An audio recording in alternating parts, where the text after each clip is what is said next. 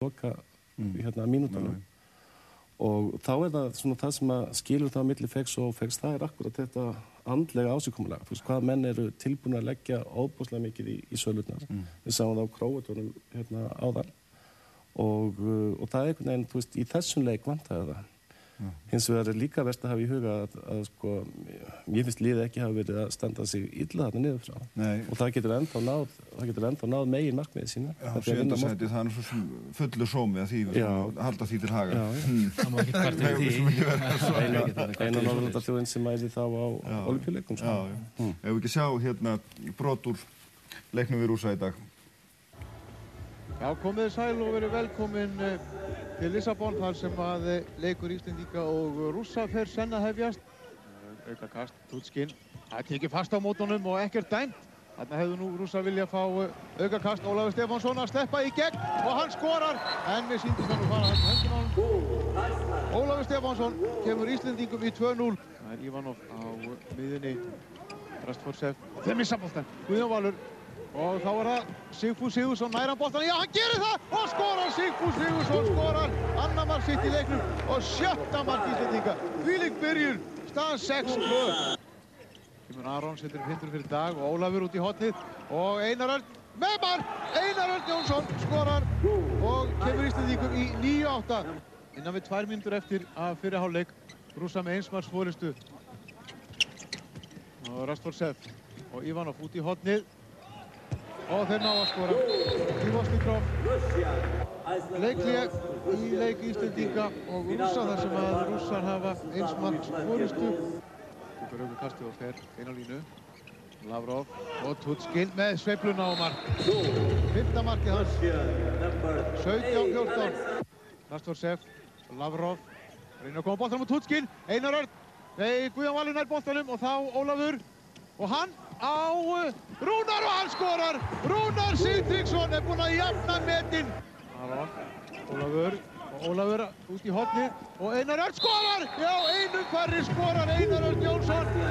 Og yngamunir í 20-21 Guðjón Valur og þá Ólafur Stefansson þetta er út í hotnið en Lavrov fleira verja. Það er ein mínút eftir. Við verðum að uh, láta þá klára sóknuna strax inn á línu og Moskalenko skorar. Edvard Moskalenko. Og, Ró- og Róbert tilbúinn að taka aukakastið. Ólafur Stefánsson með skot og hann skorar. Síðasta markið í leiknum væntanlega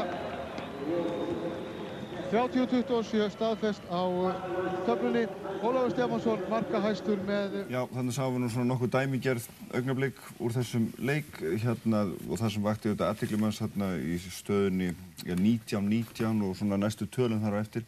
Við verum alveg að ná þeim alltaf, alveg eins og oft í spánuleiknum í gær, við erum alveg að komast upp að þeim, við erum búin að vinna upp kannski ekki daldinn mun, en við okkur skortir einhvern veginn alltaf herslumunin til þess að komast fram úr. Já, já, það, það er alveg rétt og það sem er náttúrulega kannski erfiðast í handbóltana, það er þegar þú ert að elda alltaf og hugsalega ert að ná og síðan nærðu að jafna leikinn, að þá er eins og svona bladran kannski svona aðeins uh, hjá henni. Þannig er ymmit tækifærið á að reyna að halda áfram en, en einhvern veginn þá er eins og menn kannski hugsi, við erum búin að ná, ná þeim og nú getum við öll- öllítið slakað á. Já. Það vantar þarna að keira kannski, gefa betur í og, og keira það bara yfir. Já. Þetta er svona hlutur sem að mætti má alveg skoða mun meira sko. Mm. Þetta er líka mjög erfitt í svona andlegu uppbygginguna á, á liðinu eftir, eftir svona tableiki þar sem að menn vita að þeir hafa verið í alvöru tækifæri. Mm. Geta kannski rifja upp einstöku atvik, þú veist, ef hann hefði skorað þarna hátninu, skilur. Ef að, þú veist, það hefði verið flautað eitthvað öðruvísi, þá hefði þetta verið. Að það er mjög erfitt að koma að byggja sig aftur upp eftir slíkt, vegna þess að þá svona, það er auðveldra þegar þú svona hefur það tilfinningun að þú er gefið allt þitt, en það bara döð ekki til, heldur en þegar þú svona getur auðveldlega beint á atvik sem að hérna hefðu gert gefið Já, skipt sköpum algjörlega. Þannig að rosalega erfitt að hýfa lífið upp eftir slíkt. Já, já. Ekki saman því? Jú, jú, það er engin spurning að það er náttúrulega það sem skiptir mestu máli það þarf að vera svolítið jákvæðar í þessu Mm. og ég meina, það er náttúrulega alveg vita mál að þú ferð aldrei í gegnum einn handbóltaleik með 100% nýtingu Mm. og þarna þurfa náttúrulega leikmenn geta útilokað þau færi sem þeir eru að klikka úr og hugsa bara næst þá er það bara kemur ekkert annað til greina en ég ætla að sjá bara boltan í netinu.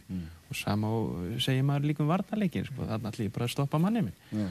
en, en uh, það er kannski þetta að, að mann kannski hugsa ekki alveg að þessu. Þeir ætla náttúrulega að reyna að spila saman og gera hlutina þannig að þeir ná árangri Hver er skýringin ykkar á því að, að þessi leikur í dag, hann var svo einhvern veginn svo miklu hægari og þunglamælegri og allt annað tempoheldurinn til að mynda í spánarleiknum og ekki sér talaði um fyrirháleikin í, í Þýskalandsleiknum?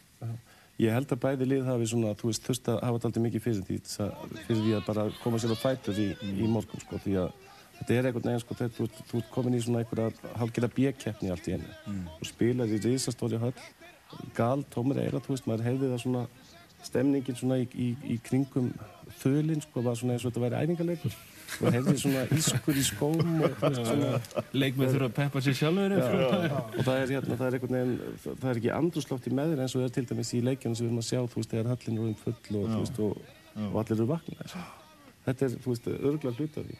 Menn eru svona einhvern veginn bara ekkert vanist í að, að hérna að vera að spila landsleiki. Þessi gríðarlega hraðamennu sko, hérna, við auðvitað, sko, höfum notið þessara hraðaplaupa sem við höfum og spilum á móti Spáni þegar við skorum bara alltaf jafn harðan. 1, 2, 3 en í dag þá fáum við allar hraðaplaup eða minnst þú veist erum við mjög hægir. Já, það er náttúrulega og þó missa rússarni boltan sko í raun og veru trekk í Já, trekk. já, við byrjuðum að le leikin í dag að vísu með nokkuð mörgum hraðablöfum en svo í framhaldinu þá kannski vorum við ekki að, að ná þeim. E, skýringin gæti hugsanlega leiði því að þeir voru, rússarnir voru sem sagt að ná að skora á okkur.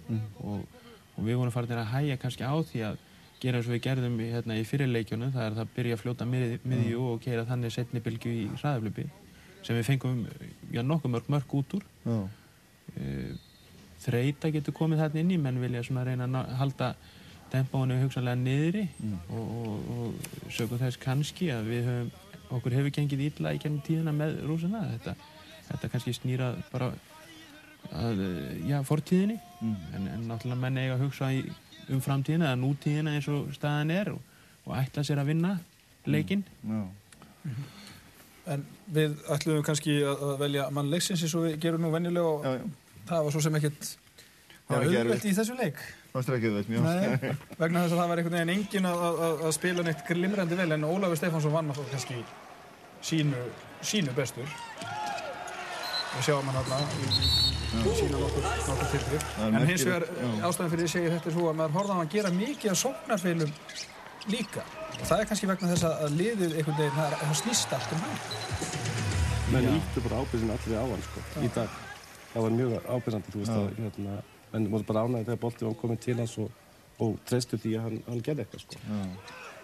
Ég held að þessi keppni hafi nú ekki verið auðveld fyrir hann Ólaf. Það er mikil pressa sem er búið að leggja á hann og, og, og hérna, hann er búinn að vera að spila alla leikina líka við 100% og, og hann er búinn að skila sínu, finnst mér. Já, Það er bara mitt persónulega álit. Að hann, þetta er, þetta er teknísku leikmaður sem er að skila sínu varnarlega og já, ég, mér minnir að ég hef nú séð það í dag að hann hafi nú verið einn af þeim eh, á topnum yfir flesta stóðsetningar í keppninni.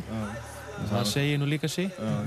En það er oft þannig að maður, sko, það er fáralegt að maður, maður finnst Ólafur ekki spila nú vel en átt að sjá því að hann hefur sko skorað tíu mörg og gefið fimm stóðsetningar, þetta er já. saman í loki eins og í dag, en í setni áleikinu var það eiginlega þannig að þau mörg sem hann gerði ekki sjálfur, þau bjóð hann til fyrir aðra Já, og það vantaði algjörlega var það ekki sko óknun af hinum vagnum. Jú, það er kannski búið að há okkur í þessari keppni. Það er það að við höfum ekki fengið nægilega mikið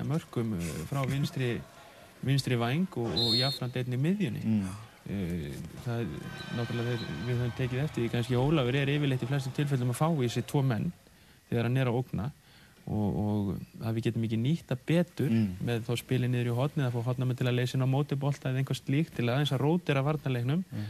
að, að það er svolítið sárt að sjá það við hefum geta gert betur þarna Já. við þurfum að fara bara í svona alveg markvist skiptu uppeldi Já. í íslenskum handbólta Þetta er- Einu sinni voru nú skiptur aðalsmerki Já, okkar. það- einu sinni var þetta þannig að við komum ekki fyrir í liðinu og ég man eftir sko, einhver tíma við vorum að spila við Dani, þá kom sko landslýsjálfarinn danski og talaði við, ég man ekki hver var að þjálfa á Ísland þá og spurði hvort hann geti ekki fengið lánað eins og þrjá menna því það voru, þú veist, hérna, einhverja átta skiptur í íslenska liðinu sem allar komist í, í Já. byrjunarliðið í, í Já. danska landsliðinu. Núna erum við mjög fótækir á, Já. Þannig að núna er það einhvern veginn að koma okkur líka svolítið í koll að vera með eitt svona afgerandi góðan leikmenn í liðinu því að það einhvern veginn allt í nú þróast bara þannig að hann er að gera alla hlutinu og menn bara býða eftir að hann fara að stað. Já, það hefur kannski vantað bara stöðuleikarnir hinnum. Þeir hafa svona komið.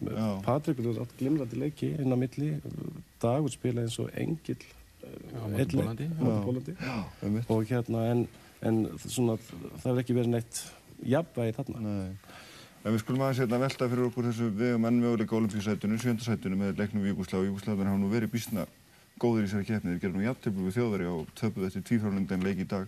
Það er erfið leiku framöndan á morgun sem að glýpi nú til gamal hundrað klísju. Já, já, ég veit að það- þetta, er, þetta verður erfiðu leikur en, en jáfnfram skemmtilegur. Vinnum við hann? Ég vonandi, ég vona það svo innilega við vinnum leikin.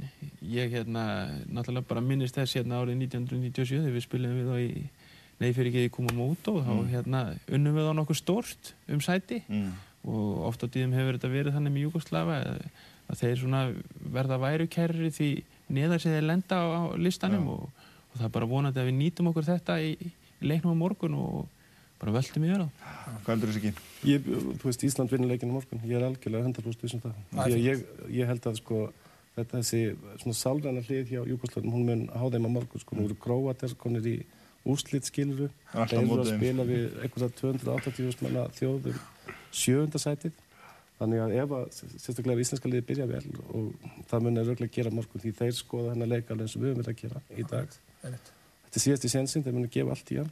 Ég held að það, sá leikur vinnist létt. Frábært. Við sjáum til og við erum hérna með handbóltakastljósið á morgun á, á sínum stað. Minnum hins vegar á það áður en við hættum núna að viðtal sem að Eva Maria tók við Björk Guðmundsdóttir í gerkvöldi. Það verður endur sínt í dagskrárlok annað kvöld fyrir ykkur sem mistuð af. Sjáumst á morgun. Bless.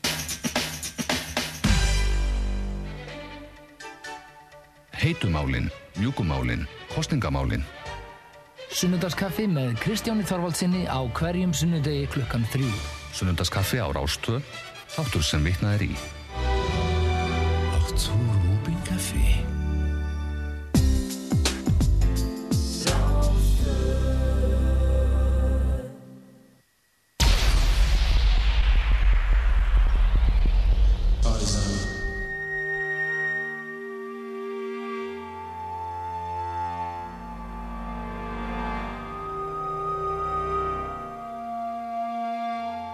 Partíson, dansdáttur þjóðarinnar á Rástfjörn.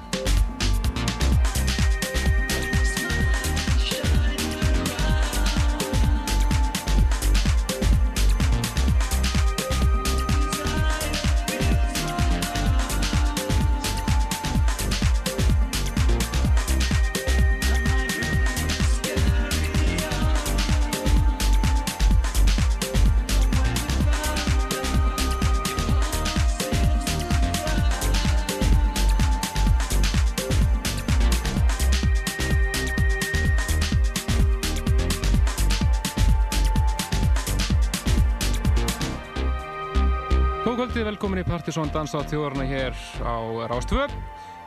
Aðeins með setni skipunum, en það dagskráni sjálfur sér farin úr skorðum eftir framlegginguna í sjónvarpinu áðan. En látum það ekki á okkur fá framöndan hér í kvöld. Hlutusnóðum kvöldsins eru tveir.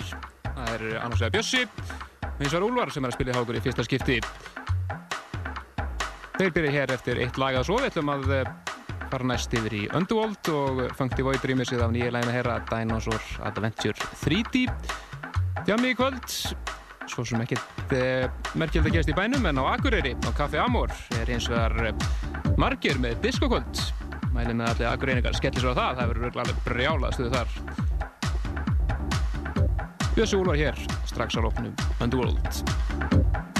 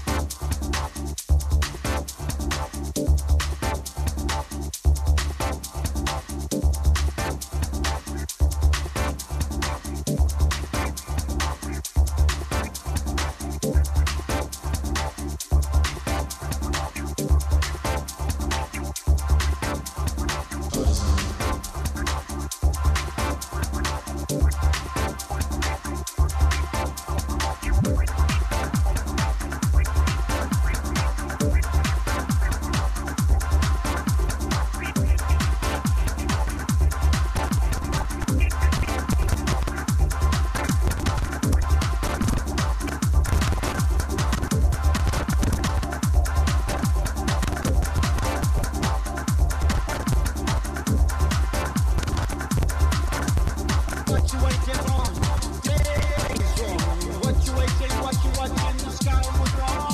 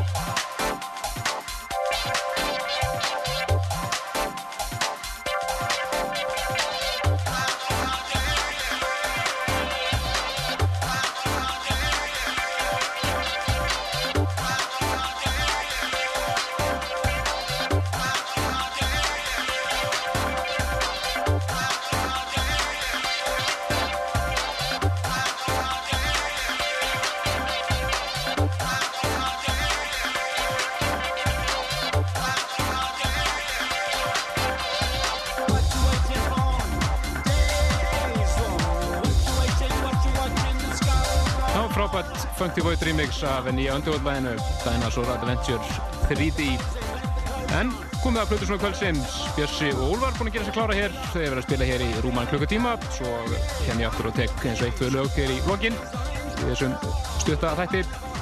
En uh, hleypum þeim bara að, gjörum svo vel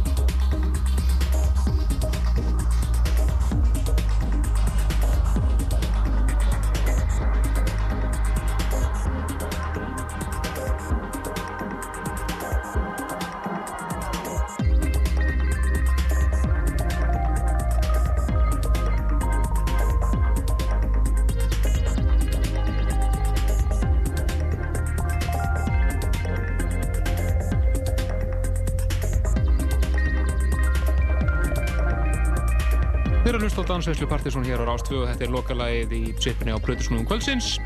En Björsa og Úlvari, takkum þeim kærlega fyrir frábæð sérspæði hefum hér í kvöld. Og það lifa ennþá 17 mínútur af þættinum kvöld, verði hendur 10 kvöld og við eitthvað að heyra eitthvað af nýri músík. Við myndum næst að fara yfir í mann sem hefur nú hýrst oft áður hér í Partisón þá þetta helst undir The Transetters nafninu. Þetta er James eða James. Og hann hefur ekki út plötu undir því nafni núna í vor. Gefur út á Future Crew merkinu í Breitlandi þetta er fyrsta smáskjávan af þeirri plötu. Það heitir People Will Believe. Svo hefur þetta að heyra nýju rýmisun af eh, nýja móbilæðinu hér á eftir. Og sé hvað vera